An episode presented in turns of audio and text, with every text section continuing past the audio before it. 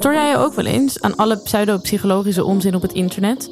Van BuzzFeed-lijstjes tot mental health influencers op TikTok? Maar kan je je ook niet helemaal vinden in de strikte labels van de psychiatrie? Steeds meer mensen hebben mentale problemen, maar de manier waarop we erover praten blijft beperkt. Wij zijn Rosa Rodaan en Laura Keulaerts, allebei filosoof.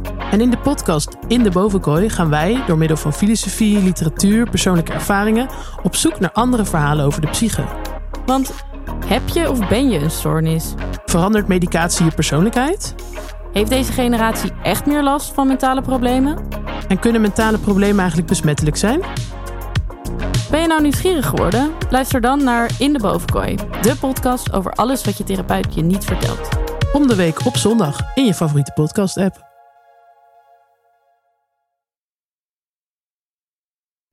Felix en Sophie. Felix en Sophie. Felix en Sophie. Felix en Sophie. Felix en Sophie. Hallo en leuk dat je luistert naar de Felix en Sophie podcast. Je gaat luisteren naar de editie van afgelopen juni getiteld Denken in tijden van extinctie. Aan het woord is Lisa Doeland. Doeland is de auteur van het boek Apocalypsofie over recycling, groene groei en andere gevaarlijke fantasieën. In de lezing gaat ze in op de manier hoe we na kunnen denken over het naderende einde. Veel luisterplezier.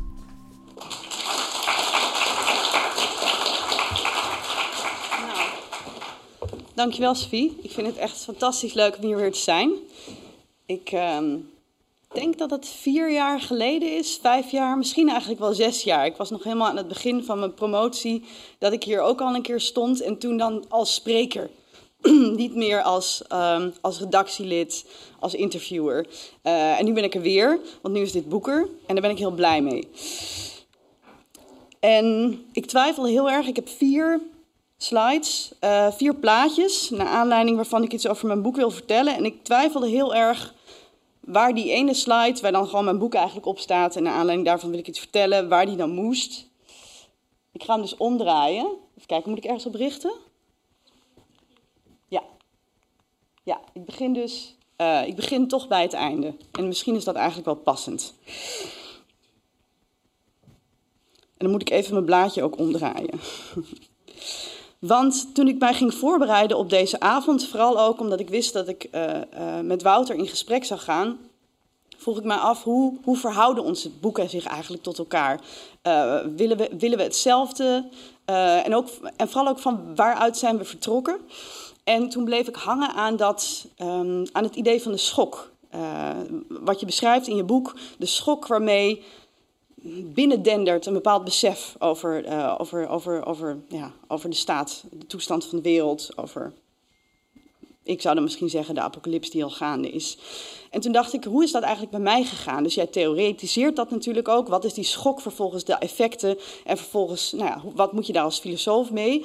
En toen dacht ik, ja, bij- mij is het niet gegaan met, met schokken, maar bij mij is het gegaan met bepaalde, ehm, met bepaalde openingen. Je zou, misschien, misschien moet ik eigenlijk dus zeggen openbaringen, Eh, maar er, er hebben zich dingen geopend. En toen dacht ik, er zijn drie, drie openingen die ik dan vanavond met jullie wil delen. En dan lees ik ook stukjes uit mijn boek voor, eh, waarvan ik ook denk dat ze resoneren. Dus één stuk waarin rouw ook centraal staat. Rouw is ook belangrijk in jouw boek, dus daar kunnen we het dan later nog over hebben.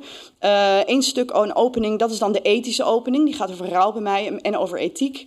Eh, een andere opening gaat over, over politiek. Ehm, eh, Extinction Rebellion, waar ik sinds kort onderdeel van ben. Eh, blijft een beetje gek, wil je, kan je niet inschrijven, maar nou ja. Ik, je doet het.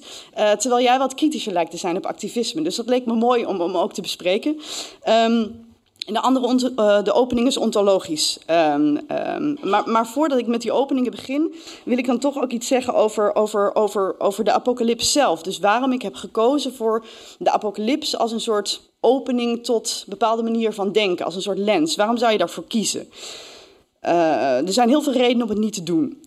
Namelijk dat het, er is een hele religieuze traditie die eraan vastkleeft, waar ik eigenlijk ook helemaal niet zoveel van weet, uh, waar ik ook niet zoveel mee heb.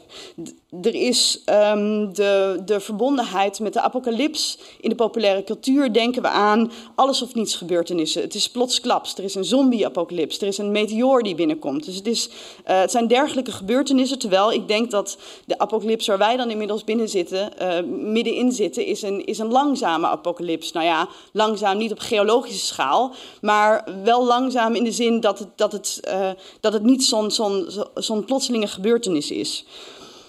Uh, daarnaast kleeft er um, redding aan of verlossing. De apocalyps, apocalyps is natuurlijk ook iets waar je een bepaalde manier op kan wachten. Je kan ook wachten tot iemand anders dan iets gaat openbaren voor jou, of je gaat redden of verlossen. Dat is natuurlijk allemaal niet wat denk ik belangrijk is in onze tijd.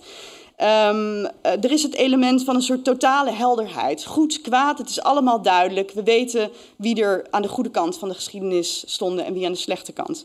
Dat zijn natuurlijk allemaal elementen die kleven aan de apocalyps die problematisch zijn, denk ik. Goed, waarom dan toch apocalypsofie? En nu ga ik gewoon een stukje voorlezen. Want um, ja, ik, uh, ik heb daar natuurlijk mijn best voor gedaan om dat helder te verwoorden. Waarom dan toch apocalypsofie? Dat zit hem in de relatie tussen het einde en de openbaring, die de apocalyps onderscheidt van verwante begrippen zoals catastrofe en ineenstorting. Zowel de catastrofe als de ineenstorting gaat over een einde zonder openbaring. En hoewel ik niet geïnteresseerd ben in de openbaring in de klassieke zin als iets wat komt, als iets wat totale helderheid verschaft, nog als iets wat het goede onderscheidt van het kwade, is er iets van het onthullingselement dat ik wil bewaren. Namelijk dat we leren inzien dat de ineenstorting al lang gaande is. De massa-uitsterving vindt al plaats. We leven al in de apocalyps. De openbaring ook dat de apocalyps niet is wat ons te wachten staat, maar dat die al lang heeft plaatsgevonden en dat het probleem is dat het zo verder gaat. Wat er zo verder gaat? Kapitalisme. En het schijnt dus makkelijker te zijn om ons het einde van de wereld voor te stellen dan het einde van het kapitalisme. Volgens uh, psychoanalyticus Nathan Gorelick, die de obsessie met het einde van de wereld onderzoekt vanuit psychoanalytisch perspectief, is de waarheid van die veelgehoorde stelling um, dat we ons dus het einde van de wereld makkelijker voor kunnen stellen dan het einde van het kapitalisme, um, dat het ons het zicht op een andere toekomst ontneemt. Uh, en dat het kapitalisme zelf al het einde van de wereld is. Of zoals Frederick Jameson, die deze eindeloos herhaalde frase ooit de wereld inslingende, er later over opmerkte. We kunnen deze nu herzien en getuigen zijn van de pogingen om ons het kapitalisme voor te stellen door ons het einde van de wereld voor te stellen. Want als we om ons heen kijken, zien we dat dat is waar het toe leidt, het einde. En we doen keihard ons best om dat te verdringen. Gorelik omschrijft ons als kinderen die steeds voorzichtig in de afgrond kijken, die onze ouders voor ons hebben gemaakt.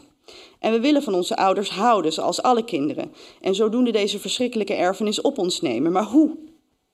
En ik citeer, staande op de rand met zowel angst als ontzag in onze ogen en, als we eerlijk zijn, ook enige opwinding, stellen we ons het ergste voor en hopen op het beste.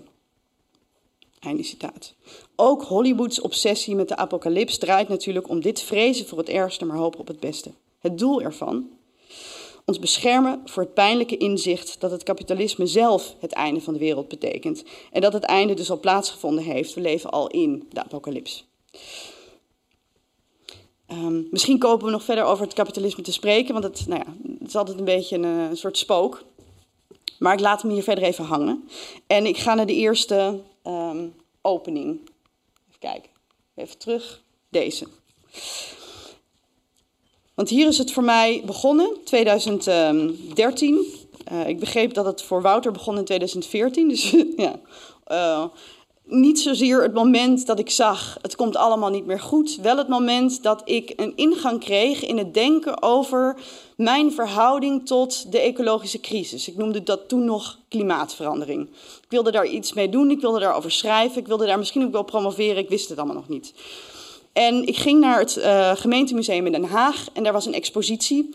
Yes, Naturally heette die expositie, doet er allemaal verder niet toe. Um, maar daar stuitte ik, of daar, daar, daar was onder, onder andere dit kunstwerk uh, te zien, van Maarten van den Einde. En het heet Plastic Reef.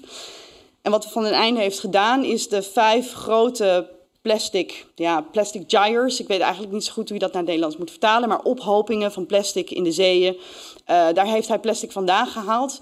En dat daar heeft hij dit kunstwerk van gemaakt. Dus een, een rif als het ware, maar dan van het plastic. Laten we zeggen het nieuwe natuurlijke materiaal uh, in de oceaan. Daarmee natuurlijk ook dat hele onderscheid tussen natuurlijk en kunstmatig uh, bekritiserend. Maar ik ging daar niet alleen maar naartoe om die tentoonstelling te zien. Ik ging daar ook naartoe om Timothy Morton te interviewen.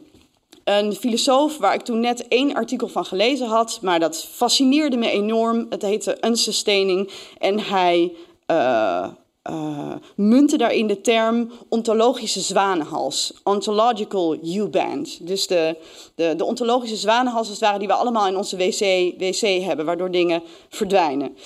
En hij zei: ecologisch denken, of dat was de samenvatting van dat artikel, uh, leert ons vandaag de dag dat er helemaal niet zoiets bestaat als ontologische zwanenhalsen. Dus um, op een bepaald niveau voelt het voor ons zo. We hebben dat aangeleerd alsof er ontologische zwanenhalsen zijn, waardoor dingen kunnen verdwijnen. Maar dat is helemaal niet zo. En daar worden we ons steeds meer bewust van. En het zijn eigenlijk dus dat, ja, dat begrip of dat beeld van die ontologische zwanenhals, uh, samen met uh, dit kunstwerk, hebben eigenlijk mijn denken over um, ja, afval en later ook de apocalyps als een soort lens om, om de ecologische crisis mee te begrijpen, in gang gezet. Dus dat is voor mij een opening geweest, omdat je dan een soort ecologisch bewustzijn ontwikkelt waarin je merkt dat. Um, Um, dat het hele denken in termen van onderscheid tussen binnen en buiten, kunstzinnig, artificieel, uh, mens en niet-mens, het verdwijnt. We lopen in elkaar over. Want er is niet alleen plastic in de oceaan, er is ook plastic in ons lichaam. Er is niet alleen plastic in ons lichaam, er is ook vast, er zijn allerlei chemicaliën. En die doen dingen met ons. En die kunnen we nooit zonder meer uh, buiten houden. Uh, dat wil zeggen, als we beter voor onszelf willen zorgen, zullen we dus beter voor onze omgeving moeten zorgen. Want daar kunnen we ons niet helemaal voor, daar kunnen we ons niet voor afsluiten. Zelfs niet als we mineraalwater gaan drinken, waaruit uh, onderzoek uit 2018 denk ik weer, al, alweer bleek dat um, mineraalwater zit over het algemeen meer microplastic in dan in ieder geval Nederlands kraanwater. Dus, nou ja. uh, dus je, je, je krijgt het pure verkocht, maar dat is het niet. We zijn ecologische wezens.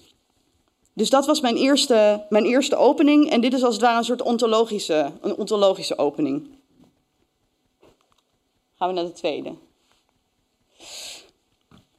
En dit gaat voor mij over de ethiek en het gaat over rouw. En ik denk dat ik er gewoon maar mee begin om een klein stukje uh, voor te lezen weer uit mijn boek hierover. Even kijken. Tijdens lezingen en colleges laat ik vaak een foto zien van een dood albatroskuiken. Dit dus. Het kuiken is overleden omdat zijn ouders plastic voor vis hielden en het kuiken dat nog verwerken, nog naar buiten werken kon. Want albatrossen die willen ook wel eens goed overgeven, maar met dat plastic wordt het moeilijk. Ik gebruik de foto om uit te leggen hoe afvalfantasieën over vooruitgang en maakbaarheid verstoort. Want het was natuurlijk niet onze bedoeling dat plastic in de oceaan terecht zou komen. En al helemaal niet dat de albatrosouders het voor vissen aan zouden zien. Ook onderstreept de foto op pijnlijke wijze het feit dat afval niet verdwijnt, maar altijd terugkeert. Alleen niet noodzakelijkerwijs naar onszelf. En ook dat het zich steeds hardnekkiger aan ons opdringt. Ik leg dan uit dat dit beeld ons niet zozeer zou moeten inspireren tot grootse fantasieën over het schoonmaken van de oceaan, maar tot deemoedige gedachten over ecologische verknooptheid. Wat we delen met de albatros, zijn kwetsbaarheid, zijn sterfelijkheid. Tot slot benadruk ik dan dat dit beeld treurig stemt, maar dat we vooral niet moeten zwichten voor fantasieën over een verloren paradijs waarin de natuur nog groen was en de mensen zondevrij. Toen er onlangs een student emotioneel werd bij het zien van de foto, besefte ik dat de esthetiek van het beeld en het verhaal dat ik ermee vertel mij hadden afgestomd. wat ik in de loop der tijd op een veilige afstand had geplaatst en had gesublimeerd tot algemene gedachten over de toestand van de wereld, kwam bij haar binnen als concreet lijden, als concreet verlies.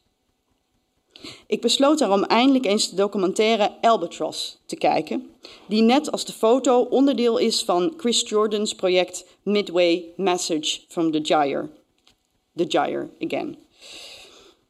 Hierin maakt hij ons deelgenoot van het leven van de albatrossen die Midway bevolken. Van de geschiedenis van het eiland, ooit een militaire basis van de VS, nu verlaten. En van het drama dat zich daar tegenwoordig voltrekt, het sterven van al die albatroskuikens. Halverwege de documentaire zien we hoe Jordan een kuiken ontleedt. Elke keer dat ik er een openmaakte, zegt hij in de voice-over, was het alsof ik een gruweltentoonstelling zag. Maar ik geloof dat het belangrijk is om de duistere realiteiten van onze tijd aan te gaan, om de moed te verzamelen, om niet weg te kijken.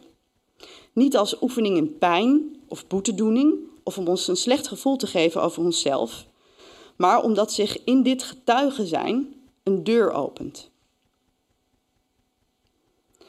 Terwijl ik hem schokschouderend een kuiken zag aaien, huilde ik mee. Ik merk het iedere keer dat ik hierover vertel. Ik word weer emotioneel. Ik kan u de documentaire echt aanraden. Er is ook niet zomaar een dode vogel. Het is een dode albatros. Sinds Samuel Taylor Coleridge over de albatros dichtte in The Rime of the Ancient Mariner, staat de vogel symbool voor het dragen van een psychologische last. Het verhaal van een zeeman die om onduidelijke redenen een albatros doodschiet en vanaf dat moment door verdoemenis achtervolgd wordt. Hij hield van de vogel, die hield van de man die hem schoot met zijn boog, dicht Coleridge. Als zeeman, wist, eh, als zeeman wist hij dat de albatros een teken van geluk was. Waarom schoot hij het beest dan toch neer? Waarom vernietigen wij onze leefomgeving? Bij deze scènes knielen is als in een spiegel kijken, zegt Jordan in Albatross. Dit is onze binnenste buitengekeerde cultuur. Hij merkt op dat hij zichzelf als een getuige ziet en dat hij de albatros als, albatros als zijn gids beschouwt. De vraag is dus, wat heeft de albatros te vertellen? Wat verbindt de albatros van Coleridge met de albatros van Jordan? Tot dit gruwelijke verhaal verteld is, zal dit hart binnen mij branden, verzucht de zeeman in het gedicht, die uiteindelijk de enige is die de reis overleeft. Volgens filosoof Timothy Morton is de zeeman uit Coleridge's gedicht de belichaming van een ecologisch bewustzijn dat ons leert dat we op de vreemdste manieren met van alles verknoopt zijn en dat we het nooit helemaal goed kunnen doen. Zoals de zeeman bij wijze van boetedoening de albatros om zijn nek moest hangen op het schip, zo behoren ook wij de albatros collectief om onze nek te hangen. Het is een last die we moeten leren dragen. Zij heeft niet zozeer een last die getekend wordt door schuld, maar door verdriet. Jordans documentaire biedt daarvoor een ingang. We zien niet alleen de halfvergane lichamen, maar worden ook deelgenoot van het leven en lijden dat eraan vooraf is gegaan. Zodoende maakt de documentaire ruimte voor rouw, voor het stilstaan bij concreet verlies. Maar zoals de zeeman de albatros nooit meer echt van zijn nek krijgt, zo mogen de albatroskuikens ook nooit meer helemaal van ons netvlies af. Het proces van rouw mag nooit afgesloten worden. Misschien kunnen we daarom beter spreken van melancholie. Zoals Morten opmerkt, is melancholie, melancholie namelijk ethisch verfijnder dan rouw. Waar het rouwproces erop gerecht is om de doden een, een plek te geven, om ze te verteren, zorgt melancholie ervoor dat ze in het zicht blijven. Ja, daar laat ik hem bij. Dat was ingang 2 of opening 2, ethiek. En dan tot slot wil ik gaan naar de laatste, um, politiek. Dit vind ik eigenlijk de, de meest ingewikkelde. Ik ben er namelijk ook nog niet helemaal. Um, uh, ik heb heel lang gedacht dat ik mezelf eroverheen moest denken. Dat ik uh, vanuit de filosofie moest begrijpen hoe academisch onderzoek of hoe filosofie verbonden is met um, politiek actief zijn, met uh, activist zijn, et cetera. Alsof ik mezelf een bepaalde drempel overheen moest helpen. En uiteindelijk ben ik er ook overheen gegaan, maar eigenlijk, ik ga gewoon nog meer voorlezen, sorry. um, maar dat ging eigenlijk anders en u leest nu hoe. En het ging, um, ja, u ziet hem niet, denk ik. Hier ergens in beeld is uh, Lucas Winnips. Um, ja, nee, ik kan hem echt niet herkennen. Eh, hij zal hierbij geweest zijn. Ik denk dat dit ook de actie was waar ik zelf bij was en op de snelweg stond, maar ik weet het niet zeker. Want er waren best wel een hoop mensen. En zoveel eh, zie ik er nog niet. Het mooie van Extinction Rebellion is tot nu toe dat ze iedere keer dat de A12 bezet wordt, dat het ongeveer verdubbelt. Ehm, en die ene keer dat ik erbij was, zaten daar ongeveer 800 mensen. Ik ga, iets, eh, ik ga de epiloog eh, voorlezen. En die heet Leren uitsterven. Hoe kan ik eindelijk leren leven? In de inleiding van Spectres of Marx stelt Jacques Derrida de vraag hoe we eindelijk zouden kunnen leren leven. Apprendre à vivre enfin. Waarom eindelijk? En waarom leren leven? Leven is immers iets wat ons niet geleerd wordt, maar wat we gewoon doen. In die zin is het een onmogelijke vraag, maar ook een noodzakelijke. Want het gaat ons natuurlijk niet om de vraag hoe we kunnen leven, want dat doen we vanzelf al, maar hoe we goed kunnen leven. Derrida stelt hier de vraag naar de ethiek. Zoals hij elders in een interview uitlegt, is de vraag naar het leren leven verbonden met wat hij, met wat hij een spectrale belofte noemt. Spectraal, omdat het een belofte is die we aan spoken doen. Dat wil zeggen, aan hen die er niet meer zijn of die er nog niet zijn, of, zo zou ik daar aan toe willen voegen, die er niet zullen zijn. Want daar gaat extinctie natuurlijk over. Zullen er nog mensen zijn, überhaupt? Zullen er nog mensen zijn in de toekomst voor wie het überhaupt uitmaakt dat wij ons druk maken over iets? Voor wie we verantwoordelijkheid proberen te nemen, voor wie we proberen te voorkomen dat er allerlei plastic en nucleair afval uh, in de weg zit. Want als er niemand meer is, dan maakt het allemaal niet meer uit. Spectraal, uh, ja, die had ik gezegd. Omdat het een belofte is die we aan spoken doen, dat wil zeggen, er is geen gerechtvaardigheid mogelijk, merkt Derrida op, zonder deze belofte aan wat niet langer leeft of nog niet leeft, of dus niet zal leven. Kortom, aan dat wat niet simpelweg aanwezig is. In het laatste interview dat hij voor zijn dood gaf, komt hij terug op deze vraag en merkt hij op dat leren leven niet alleen gaat over volwassen worden, maar ook over opvoeden en onderwijzen, vooral van onszelf. Hoe worden we onderwezen in dat waar we ons mee engageren? En hoe helpt ons dat om verantwoordelijkheid te nemen? Leren leven betekent ook leren om te sterven, leren om absolute sterfelijkheid te accepteren. Derrida vertelt dat hij in deze waarheid gelooft, maar zonder zich erbij neer te kunnen leggen. Hij heeft nooit geleerd om de dood te accepteren. Het gaat hem om overleven, la survie. En dit overleven is waar het allemaal mee begint. In den beginnen was er overleven, zo gezegd. Daar bedoelt hij overigens niks hardvochtigs mee. Zijn punt is niet dat het leven een strijd is, een survival of the fittest. Integendeel, dit overleven slaat op het feit dat er altijd iets wat voortleeft, ook na de dood. Wat heb ik mezelf met dit boek willen leren? Als ik iets gedaan heb, dan is het natuurlijk wel de vraag naar het einde stellen. Hoewel de filosofie de vraag naar het sterven als in zijn geboorte stelt, moet die in onze tijd worden uitgebreid met de vraag naar het uitsterven. Ik heb in feite Derrida gevolgd en me afgevraagd hoe je dat goed zou kunnen doen. Uitsterven. Ik zou eindelijk willen uitsterven. Waarom eindelijk? Waarom uitsterven? Het is een bijna gekmakende vraag, maar ook een noodzakelijke. En het is twijfelachtig of Derrida er een antwoord op heeft. Het is hem immers om het leren leven en sterven te doen, wat schier eindeloos doorgaat. Zoals ik mijn moeder geërfd heb en zij voortleeft in mij, zo zullen mijn kinderen mij erven en zal ik voortleven in hen. Maar wat als er niemand meer is om die erfenis te aanvaarden? Zoals Derrida elders opmerkt, is het de mogelijkheid om te erven die we erven. Daar gaat voortleven over. Net als leren leven en sterven gaat leren uitsterven over ethiek, over de vraag hoe we dat zo goed mogelijk kunnen doen met en voor hen die ons omringen. Sterker, het gaat überhaupt over de mogelijkheidsvoorwaarden van ethiek. Zal er nog iemand zijn voor wie ik het goede zal proberen te doen? Een beetje zoals de Bijbelse Noach wil ik nu leren hoe je dat doet uitsterven, omdat het daar morgen te laat voor is. Dan is uitsterving iets wat zal zijn geweest. De vraag naar het leren uitsterven is kortom een onmogelijke vraag. Het is tegelijkertijd de meest noodzakelijke. Het is de vra deze vraag die ik in dit boek aan de orde heb gesteld. Niet om daar een sluitend antwoord op te vinden, maar om erbij te blijven. Een beetje zoals Donna Haraway dat doet wanneer ze ons maand om bij de problemen te blijven, staying with the trouble. Zonder ze helder te willen maken en op te lossen, maar dan met een vleugje van de Soefi-dichter Rumi erbij, die ooit dichtte dat we onze aandacht gericht moeten houden op pijnlijke plekken, omdat juist daar het licht binnenkomt. En om mezelf ermee in beweging te krijgen. Zo stond ik begin dit jaar voor het eerst op een snelweg in Den Haag. Nou ja, snelweg. Weg. Om deze met honderden, honderden anderen te blokkeren. Het komt erop aan dat filosofen ook proberen de dingen te veranderen, nietwaar? Ik dacht overigens nooit dat de filosofie daar veel mee van doen had. Ik worstelde al jaren met het feit dat ik wel over de ecologische crisis schreef, dacht en onderwijs gaf, maar dat het daarbij bleef. Ik kon me bovendien niet aan de indruk onttrekken dat mijn schrijven en onderwijzen ook een vorm van sublimatie was.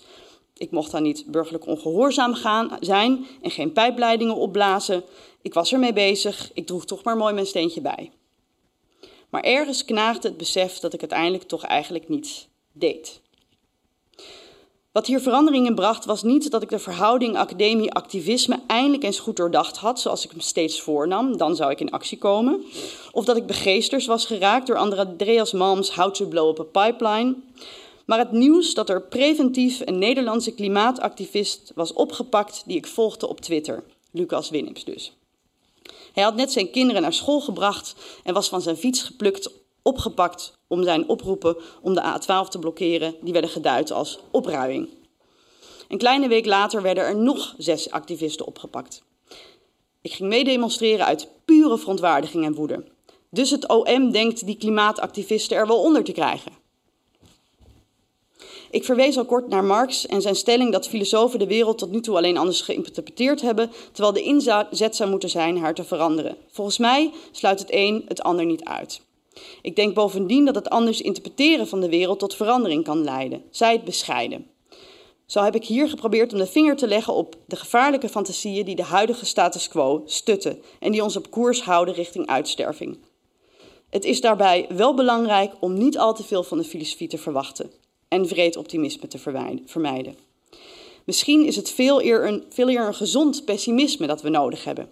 Zoals Eugene Thacker dat zo mooi verwoordt, de waarde van pessimisme is dat het deemoedigheid in het denken inbrengt.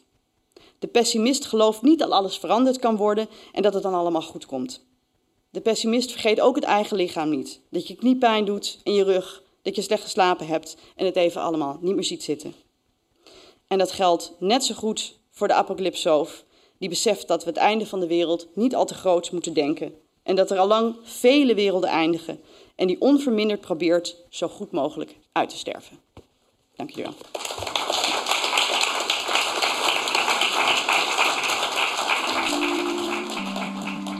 Deze opname werd gemaakt in de theaterzaal van Boekhandel Perdu op de Kloveniersburgwal in Amsterdam. Wil je ook een editie bijwonen? Dat kan. Volgende week 19 september zijn we weer terug met een editie getiteld Grenzeloze Moraal. Waarin we ons afvragen of en wanneer de moraal misschien iets te veel eisend kan zijn. Informatie en tickets staan in de show notes.